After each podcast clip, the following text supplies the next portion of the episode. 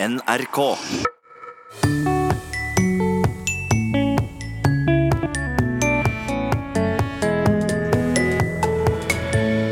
I Språkteigen i dag skal du få møte denne dama. Jeg er Mona Pedersen, og jeg kommer egentlig fra Aurskjolen i Malangen.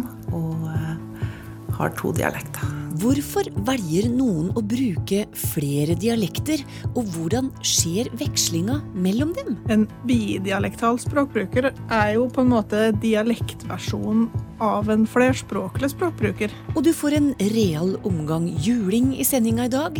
En lytter spør hvor kommer uttrykket 'en drakt pryl' fra? Det kommer fra dansk. Mønsteret er nok tysk. Så det er vel så, så mye juling som du kan bære, egentlig. Vel møtt til Språkteigen. Først skal vi altså prate om det å være bidialektal. Det vil si å bruke mer enn ett norsk talemål eller dialekt i det daglige. Det er ulike grunner til hvorfor folk blir bidialektale. Og hvordan de velger å veksle mellom dialekter er òg veldig forskjellig.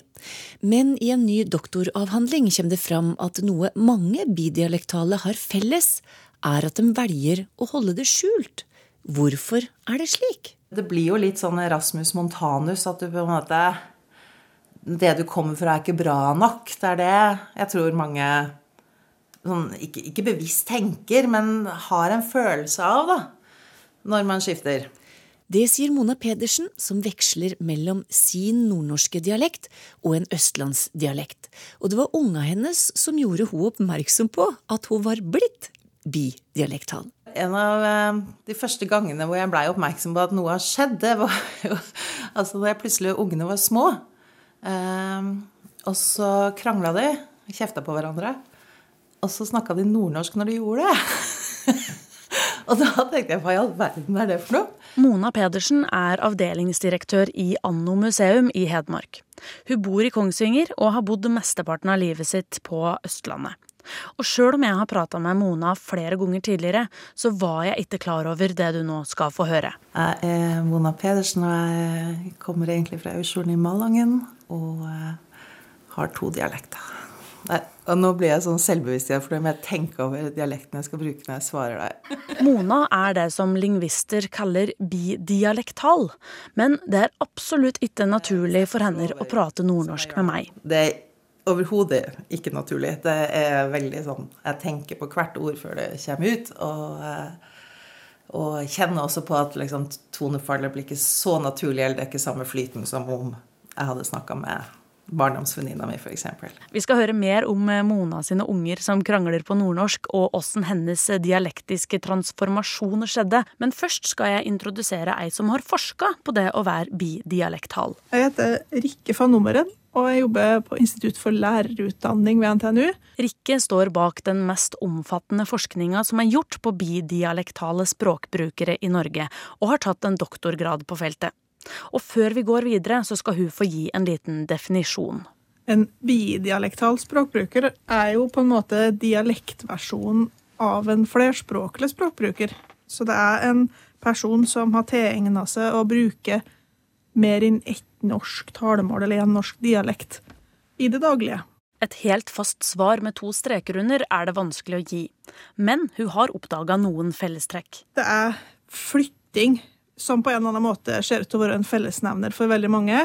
Og da kan det være enten at personen sjøl har flytta på seg, i tidlige barneår f.eks., eller at den har vokst opp sammen med en familie som har flytta på seg, sånn at den har foreldre som prater annerledes enn resten av omgivelsene. Sånn at han utvikler seg som bidialektal mellom familiesfærer og resten av lokalsamfunnet. I jobben med doktorgraden fant hun fram til 13 personer som er intervjua grundig.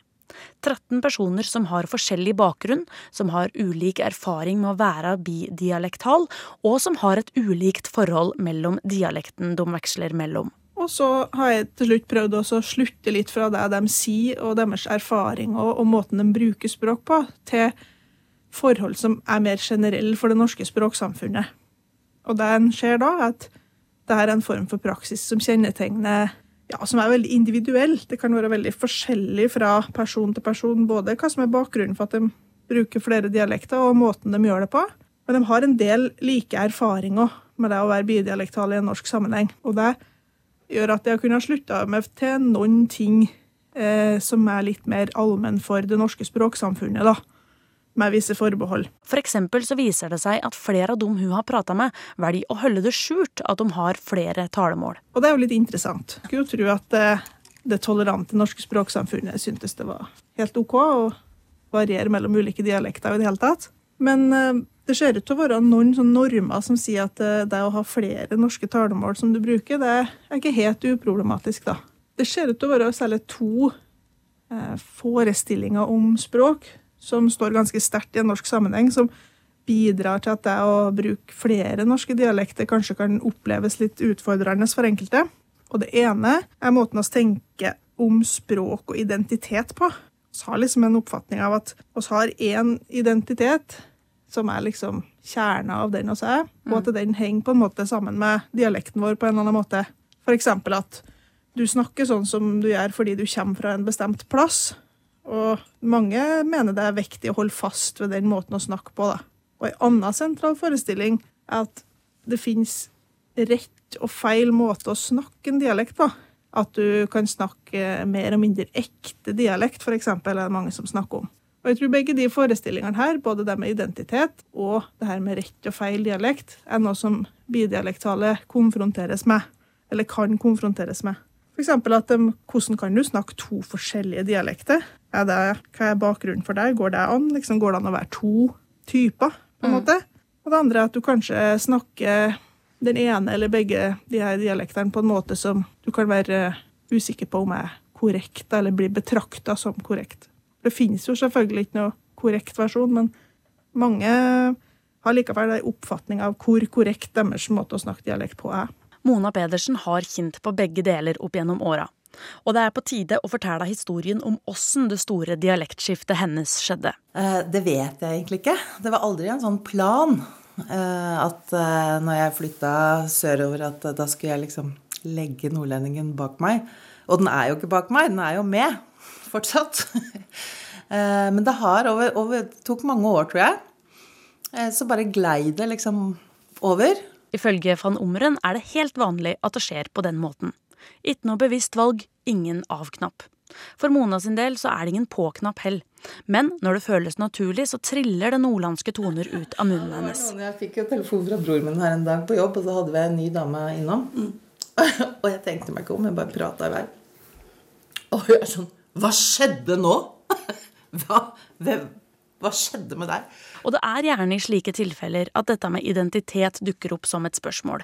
For kan en som prater nordlending og en som prater østlandsk være samme person? En nordlending forbindes med noe annet. altså Da er du så frimodig, og da er det masse humor, og du er litt rå i kjeften, ikke sant? mens østlendingen er mer formell og skikkelig og ja, kanskje litt mer autoritær, eller liksom ja, for, Forbindes ofte med sånn andre typer verdier, da. Så det å skifte dialekt, da, da smitter det opp på identiteten og hvem du blir oppfatta som av folk som ikke kjenner deg så godt, da. Før vi finner ut om det er noen stor forskjell på nordnorske Mona og østlandske Mona, skal vi stille et spørsmål som det ikke finnes noe svar på. Er det av historiske hendelser og kulturelle forskjeller verre å legge nordnorsk til side til fordel for østlandsk enn f.eks. motsatt? Mona har kjent litt på det. Det blir jo litt sånn Rasmus Montanus, at du på en måte Det du kommer fra, er ikke bra nok. Det er det jeg tror mange sånn, ikke, ikke, bevisst tenker, men har en følelse av, da, når man skifter til noe som regnes for ja, kanskje mer sånn herrefolkdialekta, da. Så jeg tror det er derfor at det oppleves negativt, at det kan oppleves som et svik. ikke sant? Egentlig så er det jo superdårlig timing på det å skifte dialekt. fordi altså, Hvis du tenker på generasjonen før meg, når nordlendinger eller fra andre landsdeler flytta inn til Østlandet, så var det jo nærmest pålagt at du måtte skifte dialekt for å bli tatt på alvor. Og så kom jo 70-tallet og visebølger og alt det her, og dialekt blei noe sånn veldig autentisk eh, som var flott å ha, da. Eh, så eh, jeg skulle jo egentlig ønske at det ikke hadde skjedd. I hvert fall sånn Sett opp mot at du av og til møter reaksjoner på at det nærmest har vært et overlagt prosjekt, og at at du har svikta eh, røttene dine, eller at du fornekter opphavet ditt, eller den type ting, da. Så, eh, så egentlig så, så, hadde dette skjedd 20 år før, så hadde det vært helt fantastisk. Men i og med at det skjedde da når det gjorde, så har det jo så, så blir jeg jo av og til konfrontert med negative reaksjoner på det. Jeg har jo også opplevd når jeg har vært Fordi, ja, som sagt, kommer jeg i ei gruppe med, med, mange nordlendinger, og det snakkes nordnorsk, så, så sklir jeg jo ganske fort over på, på nordnorsk. Og da har jeg et par ganger opplevd at noen tror at jeg gjør narr av dem. At jeg hermer etter dem. Og det er faktisk utrolig Det er så pinlig at, at noen tror at jeg er et sånt menneske som sitter og snakker med andre og, og begynner å ape, liksom. Så det har faktisk vært veldig ubehagelig. Hva sier du da? Nei, da må jeg jo bare Da må jeg jo bare ile til å forklare at jeg er født i Tromsø, jeg vokste vokst opp i Malangen, jeg har to dialekter. Jeg, ja, jeg er ikke sånn Jeg er ikke en sånn ekkel person. Jeg er hyggelig. Og mens vi sitter der og prater, så ringer telefonen. Jeg ringer broren min. Hei, Morten. Du vet Nei, du ødelegger ingenting, vet du. Du faktisk, du faktisk gir. Ja. Jeg sitter i et intervju med Språkteigen om at jeg har to dialekter, og så ringte du. Ja, rett og slett fordi at da kom dialekter av seg sjøl. Jeg måtte ikke sitte og ape til sånn nordlending, sånn at de skulle høre at jeg kunne det. Jeg kødder ikke. En ting er hvordan andre folk oppfatter deg, men føler du at eh, den Mona som prater nordnorsk, er litt annerledes enn den Mona som prater østlandsk? Ja, jeg tror kanskje også lite grann det. Jeg har jo f.eks. merka at hvis jeg skal snakke jobb og fagspråk og sånn, så er det kjempevanskelig å snakke dialekt. Eh, jeg syns det er veldig Det går nesten ikke. Ehm, mens eh, det er veldig sånn avslappende å snakke når jeg snakker liksom sånn som jeg snakka da jeg var unge. Og det tror jeg handler om at det, det, er litt til liksom den derre bygda jeg vokste opp i òg. At identiteten din der er så forbundet med hvem du er dattera til, og hvem familien din er, at det spiller liksom ikke noen rolle hva du presterer eller gjør rundt omkring. Fordi at du er på en måte dine foreldres barn uansett. Og det kan være litt sånn frustrerende, og så kan det være utrolig deilig at du er akkurat like bra eller dårlig, da. Uavhengig av hva du, hva du, på en måte leverer. Eh, så jeg kjenner nok på den Det er en sånn type avslapp shopping at eh, jeg bare er, da. Av de 13 som deltok i Rikke van Ommeren sin forskning, var noen som Mona. De veksla mellom ei bestemt dialekt og østlandsk. Men det er blant annet en som veksler mellom gudbrandsdøl og Toten-dialekt, og ei som veksler mellom nordnorsk og vestnorsk. I en norsk kontekst så er det ikke gitt hvilke dialekter som er involvert når du utvikler det som bidialektal. For I mange andre land, da, der en har en fast standard talemålsnorm, som det forventes at du tilegner det, f.eks. når du begynner på skolen, da. der vil jo det være den ene dialekten du har i repertoaret ditt, og så vil den andre være ja, gjerne en eller annen lokal talemålsvarietet, kanskje flere. Men i Norge har vi ingen standard for talemål, og det er de aller færreste av oss som faktisk er nødt til å tillegge oss ei anna dialekt enn den vi er født med, noe som er ganske unikt. I de fleste land så er det jo en umulighet å stille seg, stille seg på talerstolen i Stortinget og snakke sin dialekt. Det, det, bare går ikke. Det sier språkforsker, professor og forfatter Helene Uri. Eh, og de som er dialektbrukere, de vil jo ofte ha det som et hjemmespråk, og så har de da en annen variant som de bruker uh, utad. Sånn som tyskere som uh, som uh, snakker på sin Bierstube, så, så, så, snakker de sin tyske dialekt, men de behersker Hochdeutsch, og det er det de bruker på skolen. Og det er tilsvarende i, i Frankrike, f.eks. Fraværet av tvang er kanskje noe av det som gjør Norge sine bidialektale språkbrukere så fascinerende. Neste uke blir det mer om bidialektale, standardiserte talemål og mangelen på det. Stortingets talestol gjenspeiler jo mangfold i Norge, både på eh kulturer og eh, bakgrunn og røtter og dialekter. Så, og det er jo slik det skal være. Men til slutt skal du sjølsagt få høre forklaringa på språkbruken til Mona Pedersen sine kranglende unger. Det er akkurat som si, om du snakker et annet språk, eh, så klarer du ikke være liksom, autentisk sint på noe annet enn ditt genuine morsmål. Så de hadde jo opplevd det at hver gang jeg var sint på dem, så slo jeg om. Så det blei liksom sinnaspråket i heimen, det var nordlending. Det sa Mona Pedersen til Språkteigens reporter Helle Therese Kongsrud.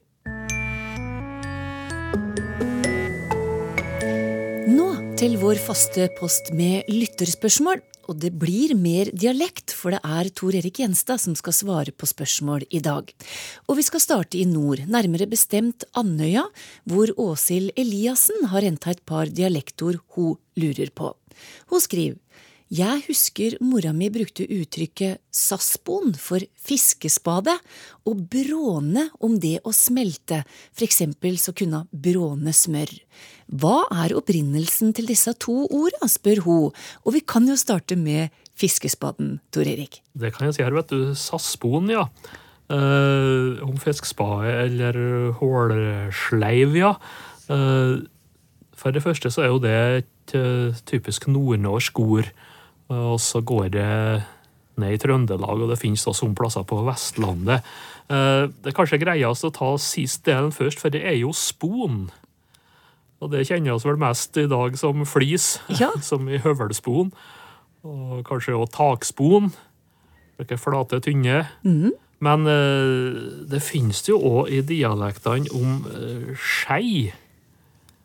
Også ifra spoon, da, eller? Samme ordet som engelsk spoon ja. er det jo, det her. Og det er vel ikke dermed sagt at det er noe lån eh, fra den ene eller andre kanten, eh, men det er vel felles arv her. Så det er nå sistleddet her. Eh, men så er det førsteleddet, og der finnes det òg ei uttaleform søspon.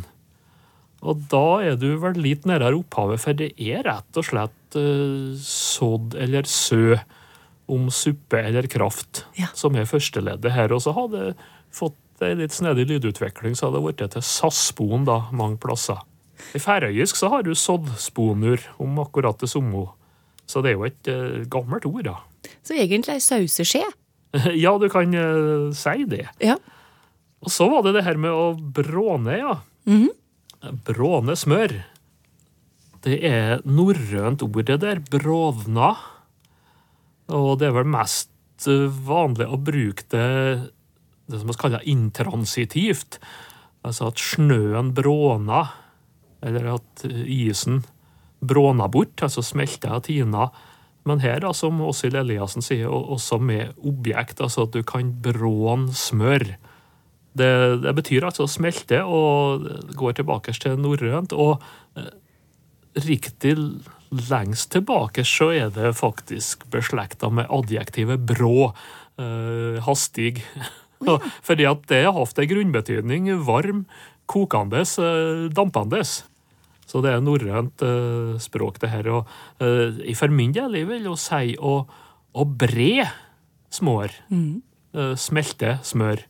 Og du har også kjørubre, som er eh, igjen samme ordslekta her. Så kjem den julingen jeg har lovt, for hva er en drakt pryl, spør Harald Bone. Han skjønner at det er noe slags juling, men på hvilken måte, og hva kjem pryl av? Pryl det er nok et uh, tysk ord eh, som er kommet opp hit, jf. jf. det tyske det, det prygelknabe, ja. som er syndebukk. Men drakt her, det, det er jo i grunnen det rarest. Ja. Draktpryl det er jo altså en eh, omgang juling, rett og slett. Det kommer fra dansk. Der kan du ha både en draktpryl og en draktklø. Og Mønsteret er nok tysk, for der kan det hete eine tracht slege. Og drakt her, eh, det er nok eh, til lågtysk verb dragen, som betyr å bære. Høgtysk har jo tragen med T, ikke sant? Mm, mm. Uh, men drakt her om omgang eller porsjon.